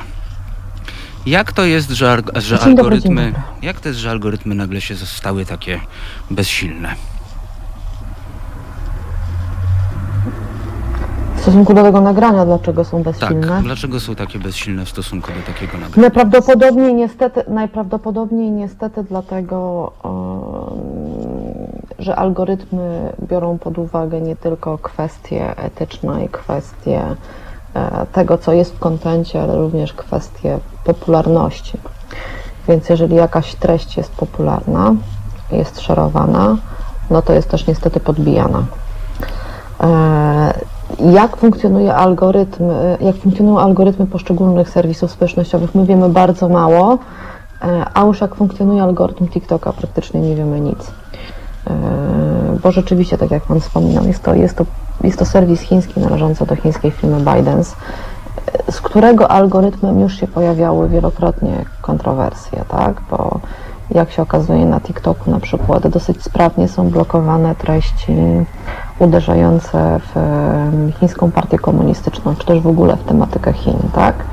E, Ale już na przykład te pokazujące przemoc, czasami dosyć drastyczną, chociażby z protestów Black Lives Matter, przechodziły bez problemu, dopóki nie zostały nagłośnione, tak? Więc ciężko jest powiedzieć tak naprawdę, dlaczego ten al- algorytm przepuszcza ten, e, to, to nagranie. E, Podejrzenie ekspertów jest takie, że ono jest rzeczywiście niestety w sposób trollingowy wy- wykorzystywane. E,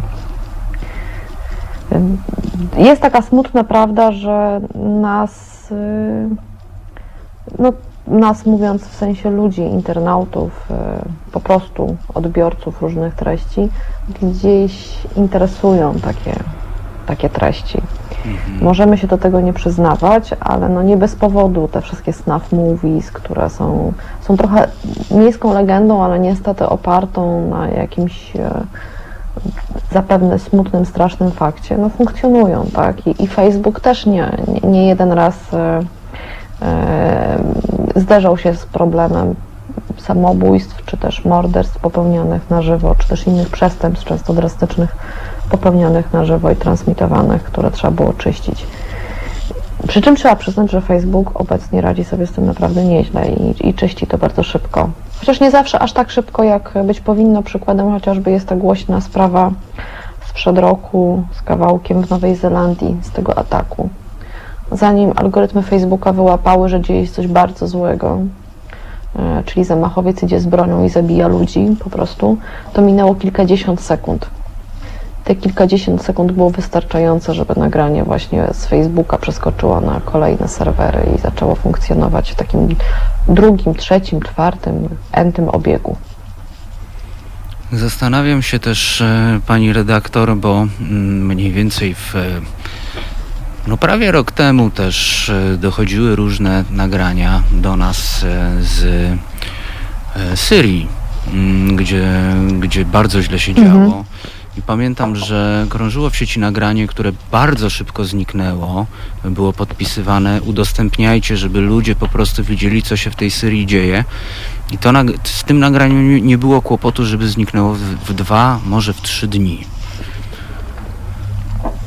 Zastanawiam się, cały czas się zastanawiam, jakie są kryteria tego. Tam, tam było pokazywane, e, tam była pokazywana egzekucja, bardzo brutalna, ze strzałem w głowę e, i ten film e, bardzo szybko zniknął.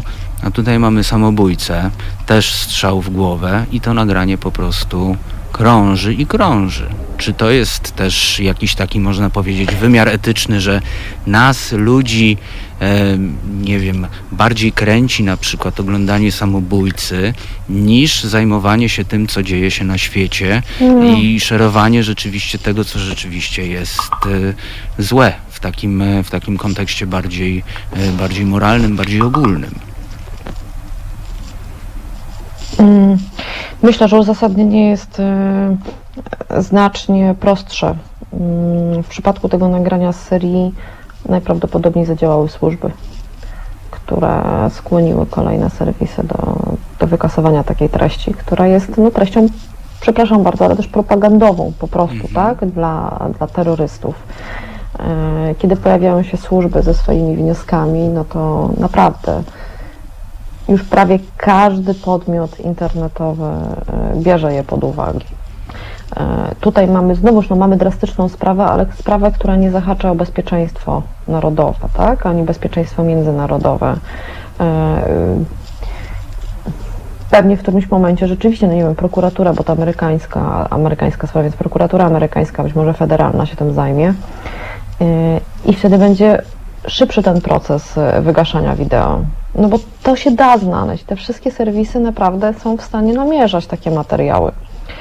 E, wykorzystują do tego zarówno sztuczną inteligencję, jak i ludzi po prostu zatrudnionych, takich specjalnych czyścicieli. Nie wiem, czy takich czyścicieli zatrudnia TikTok, tak jak mówiłam. My w ogóle bardzo mało wiemy o funkcjonowaniu TikToka, tego, od, te, od tej strony takich bebechów, tak? Mhm. E, nie, nie, nie, wszystko wiemy o Facebooku, nie wszystko wiemy o Google, YouTubie, etc., ale wiemy wielokrotnie więcej e, niż o TikToku. E, więc ja nie wiem, czy TikTok zatrudnia realnych, żywych, ludzkich administratorów, tak, od takich trudnych treści, brudnych treści. Mm, mhm. Ale nawet bez nich e, za pomocą algorytmów można wyłapać taki materiał. Tylko no, musi być mocny impuls, żeby to mhm. zrobić, tak? Taki zdecydowany impuls. Czy my się tego TikToka powinniśmy w jakiś sposób bać, skoro tak niewiele o nim wiadomo? My się wszystkich portali społecznościowych powinniśmy trochę bać. A to ja się jak najbardziej zgadzam, szczególnie, że ja Może... nawet obsługuję Facebooka Haloradia na przykład. Ja, ja dobrze wiem, że Facebooka trzeba się bać i Google'a też. Mm, przy czym bać się nie oznacza e, obawiać, tak? Co mhm. raczej zachowywać zdrowy dystans w tym, jak z nich korzystamy i dlaczego korzystamy i jak wiele sobie pozwalamy. Czy TikToka się trzeba bać? Ja myślę, że TikToka jako TikToka, jako normalnego aplikacji e, serwisu nie. To jest serwis jakich wiele, tak? Co najwyżej możemy sobie zadać pytanie, czy jakie korzyści czerpię ewentualnie zbytności w tym serwisie względem ewentualnych kosztów, a tymi kosztami oprócz tego, że tam mój czas, moje dane, ja jako taki e, podmiot, e, przedmiot, przepraszam bardzo, handlu internetowego, tak? Mhm. E, jest teraz na, na antenie Netflixa całkiem niezły dokument Social Dilemma. Wczoraj się, wczoraj, wczoraj Netflix go e, e, wypuścił, w którym no, Zubow mówi wprost, że żyjemy w świecie, w którym handel danymi osobowymi, czy też właściwie takie granie na dane osobowe jest, jest już normą, tak? Więc oprócz tych takich takich konkretnych kosztów, jakie ponosimy, które może nie zawsze odczuwamy, korzystając z kolejnych mediów społecznościowych, to w przypadku TikToka sobie trzeba jeszcze zadać pytanie, y, jak bardzo ufamy właścicielowi po prostu TikToka, tak? Mhm. Ja myślę, że. I, i przedzielić to sobie mhm. przez korzyści, bo są te korzyści czasami, one są, mogą być spore te korzyści, one mogą być korzyściami emocjonalnymi. Nie wiem, uczę się nagrywać, e, uczę się, no, ćwiczę się w nagrywaniu e, nieźle zmontowanych filmików, dostaję duży odzew społeczny, jest mi z tym lepiej, czuję się lepiej, tak? E, ludzie mnie lubią. To jest bardzo ważne. Nie, nie ma co tego wyśmiewać w ogóle. To jest bardzo ważne, ta potrzeba takiego społecznego odzewu w nas tkwiąca jest, jest, jest ważnym czynnikiem funkcjonowania, funkcjonowania ludzi. Są ludzie przecież też, e, którzy świetnie na TikToku zarabiają, tak? To, to jest e, ten nowy typ influencerów, TikTokerzy. Więc trzeba sobie przydzielić korzyści przez koszty. Mhm. No, za jakiś czas się pewnie okaże. No nie będzie tak jak z Facebookiem, Applem czy Googlem, które stanęły niedawno przed Ojej, przed czym oni stanęli w Stanach Zjednoczonych? Przed kongresem. kongresem. Przed kongresem. No, Tak, przed, przed podkomisją, podkomisją, która prowadzi śledztwo. E, Długo, już półtora roku w sprawie potencjalnego mono, potencjalnej monopolizacji rynku przez te big techy. No TikTok też staje przed pręgierzem amerykańskim, tylko trochę inaczej, tak? Tam przecież do 15 września, czyli do przyszłego tygodnia Microsoft ma czas na podanie szczegółów potencjalnego odkupienia części TikToka. Jeżeli to się nie uda, znaczy tam jest kilku więcej chętnych, nawet Oracle się pojawił w którymś momencie. E, Jeżeli nie dojdzie do takiego zakupu, no to Trump, prezydent Trump grozi blokadą TikTokowi w Stanach. Tylko tutaj, żeby było też jasne dla słuchaczy, nie z powodu tam przepływu danych osobowych. Oczywiście to są argumenty, które tam gdzieś się pojawiają, czy tam takie opiekuńcze argumenty w stosunku do e, użytkowników amerykańskich. To jest najzwyczajniej na świecie element dziwnej wojny cyfrowej Stany Zjednoczone versus Chiny, a że TikTok dociera do najmłodszego użytkownika, takiego, ogromna część użytkowników TikToka to osoby do 25 roku życia, no to jest przekonanie, że to jest też taki chiński, trochę, trochę taki trojański koń wpływu na to najmłodsze pokolenie. No więc skomplikowana sytuacja, ale ja w ogóle jestem taką przeciwniczką takiego stawiania, stawiania takich, takich jednoznacznych opinii. TikTok zły, nie używajmy. Nie no, ja nie używam, bo ja nie widzę potrzeby. Ale wiem, że są ludzie, dla których on wypełnia pewne, pewne, pewne luki, pewne potrzeby. To dlaczego, żeby nie? Tylko, tak jak mówię, trzeba sobie przedzielić, tak? Co jest, jak bardzo ten zysk jest duży w stosunku do ewentualnych kosztów. Pani redaktor, dziękuję bardzo. Naszą gościnią Dziękuję była bardzo. Sylwia Czubkowska ze Spiders Web Plus, a do studia wkracza już Tomasz Piątek.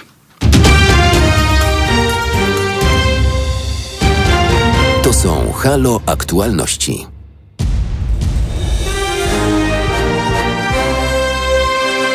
W niedzielę Od 15 do 17 liderka ogólnopolskiego strajku kobiet, świadoma obywatelka, niezmordowana aktywistka, zawsze stająca murem za słabszymi, Marta Lempart. Zaprasza na dwie bardzo aktywne godziny. www.halo.radio. Słuchaj na żywo, a potem z podcastów.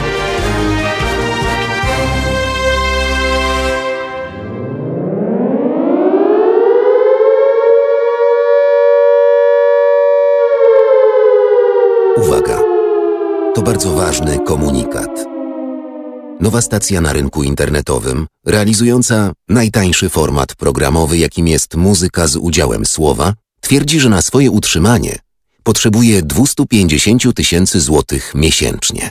My natomiast, czyli Halo Radio, realizujemy najdroższy format programowy, jakim jest TOK, gdzie słowo w postaci pogłębionych analiz i dyskusji zajmuje 90% objętości całodobowego programu. Mamy na pokładzie prawie 50-osobowy zespół i nadajemy swój program całą dobę w formacie audio i wideo. Potrzebujemy zaledwie 150 tysięcy złotych miesięcznie. Dotarliśmy dotąd do miliona Polaków, ale tylko 2,5 tysiąca z Was regularnie nas wspiera, co daje nam tylko 50 tysięcy złotych miesięcznie. To zdecydowanie za mało, by realizować program na bardzo wysokim poziomie, nie mówiąc nawet o rozwoju projektu.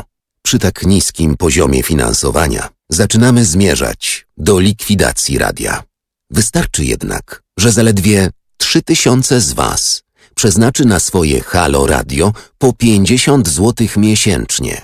Wtedy nasz budżet zamknie się kwotą 150 tysięcy złotych miesięcznie.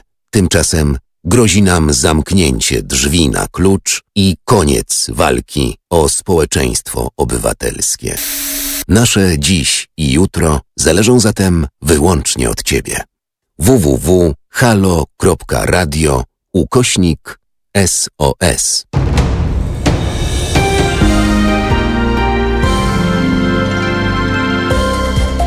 Halo Radio.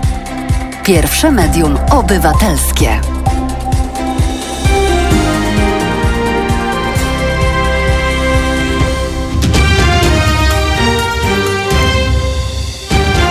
Słuchacie Halo Aktualności. trzy minuty po wpół do piątej, czyli mówiąc e, z radiowego na polski 16.33. Przypominam telefon do studia 22 39 059 22 oraz mail do nas teraz małpahalo.radio. A z nami w studiu jest już redaktor Tomasz Piątek i mamy świeżusieńkiego, jeszcze niepublikowanego newsa. I nawet ja jeszcze się nie dowiedziałem o co chodzi, proszę Państwa. Także zamieniamy się w słuch. Cześć Tomku. Cześć, e, proszę Państwa, e, przygotowałem zawiadomienie o podejrzeniu popełnienia przestępstwa przez premiera Rzeczypospolitej Polskiej Mateusza Morawieckiego. Byłem dzisiaj w prokuraturze, żeby je złożyć. E, tak się składa, że za czasów dobrej zmiany w sumie nie wiem, jak to było w prokuraturze rejonowej w Warszawie wcześniej, ale dobra zmiana miała sprawić, że prokuratura będzie e, energiczna, skuteczna i dla obywateli. Otóż prokuratura przyjmuje obywateli w godzinach e, od 11 do 13, czyli przez dwie godziny i to w czasie pracy ogromnej większości obywateli. Przyszedłem do e, prokuratury kilka minut przed 13, wyrobiłem się, ale ja wyjaśnie państwo z prokuratury e, pana Ziobry e, nie, e, nie przyjęli tego zawiadomienia. Nie wiedzieli nawet, że to ja. Nie chodziło o to, że ja przynoszę mhm. zawiadomienie o przestępstwie popełnionym przez Mateusza Morawieckiego. Chodziło o to, że oni pracują tylko dwie godziny dziennie, a i tak to jest dla nich za dużo. I już przed 13 robią sobie fajrant i nie chcą rozmawiać z obywatelami, ale ja tam wrócę jutro i przyniosę to zawiadomienie o przestępstwie. Tym razem przyjdę o 12.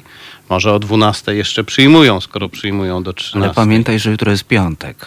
Więc tak, wiesz... tak, piątek weekendu początek. No właśnie, więc tak. E, a teraz przechodząc do spraw poważniejszych. Zawiadomienie e, o przestępstwie, zawiadomienie o podejrzeniu popełnienia przestępstwa dotyczy tego, że w grudniu 2014 roku Mateusz e, Morawiecki e, e, był przesłuchiwany przez kontrwywiad Rzeczypospolitej Polskiej, czyli przez Agencję Bezpieczeństwa Wewnętrznego w sprawie afery taśmowej i zeznał wtedy, że nigdy nie zetknął się z Markiem Falentą. Tymczasem w marcu tego roku Marek Falenta zeznawał w sądzie okręgowym w Warszawie w sprawie cywilnej i tam zeznał, po złożeniu przyrzeczenia mówienia prawdy i po tym, jak sędzia mu przypomniał, że grozi mu 8 lat więzienia, jeśli skłamie, zeznał, że e, poznał e, Mateusza Morawieckiego, poznał go, został z nim zapoznany przez Tomasza e, Misiaka, byłego e, senatora Platformy, który musiał odejść z Platformy Obywatelskiej w związku z podejrzeniem korupcji i który robił gigantyczne interesy w Rosji z rosyjskim oligarchą Michałem Friedmanem. Ten właśnie człowiek był, można powiedzieć, e, pośrednikiem, był tym, który wprowadził Falentę do Morawieckiego albo Morawieckiego do e, Falenty. E, znaleźliśmy dodatkowe potwierdzenie mm, tego, że Morawiecki minął się z prawdą. Znaleźliśmy E, z dokument sprzed grudnia 2014 roku. To jest dokument mówiący o tym, że zebrała się Rada Programowa pewnego kongresu, który się nazywał Think Big CEE Kongres i wymieniono w tej informacji członków Rady tej Rady, która się zebrała i obok siebie wymienieni są Marek Falenta i Mateusz Morawiecki. Nie, ja o tym opowiedziałem e, e, mojemu znajomemu dziennikarzowi holenderskiemu, mm, Robowi Savelberchowi z pisma e, holenderskiego Telegraf. No i jego pierwsza reakcja była taka, że no, jeżeli premier skłamał w kontrwywiadzie, to trzeba natychmiast złożyć doniesienie do prokuratury. I trudno mu było zrozumieć, dlaczego się zacząłem śmiać wtedy ale e, Rob ma rację. Niezależnie od tego, że mamy prokuraturę ziobrowską, która e, mimo e, osobistej niechęci Ziobry do Morawieckiego chroni ten rząd i prawdopodobnie tej sprawie będzie starała się tę sprawę umorzyć, to jednak e, zawiadomienie trzeba złożyć. Tym bardziej, mhm. że część sądów jest jeszcze niezawisła lub stara się być niezawisła i kiedy prokuratura umarza takie zawiadomienie, to wtedy można się zażalić do sądu i robić to wielokrotnie. Za każdym razem, kiedy prokuratura próbuje ukręcić e, sprawie web, e, można się można się bronić. Te koneksje mm, Morawieckiego z e, importerem rosyjskiego węgla, Falentą, e, współorganizatorem afery taśmowej, która była operacją służb specjalnych Kremla i bliska znajomość i liczne kontakty towarzyskie i biznesowe Morawieckiego z Tomaszem Misiakiem, który robił wielkie biznesy w Rosji. To wszystko teraz brzmi mm, w obecnym kontekście e, szczególnie ponieważ e, wczoraj Mateusz Morawiecki oświadczył, co prawda tylko na Facebooku, że robienie z Rosją interesów to zbrodnia. E, tymczasem e, Morawiecki ma e, bliskie związki z Tomaszem Misiakiem, znał się z Markiem Falentą i rozminął się z prawdą w kontrwywiadzie, gdy twierdził, że się z Falentą nigdy nie zetknął.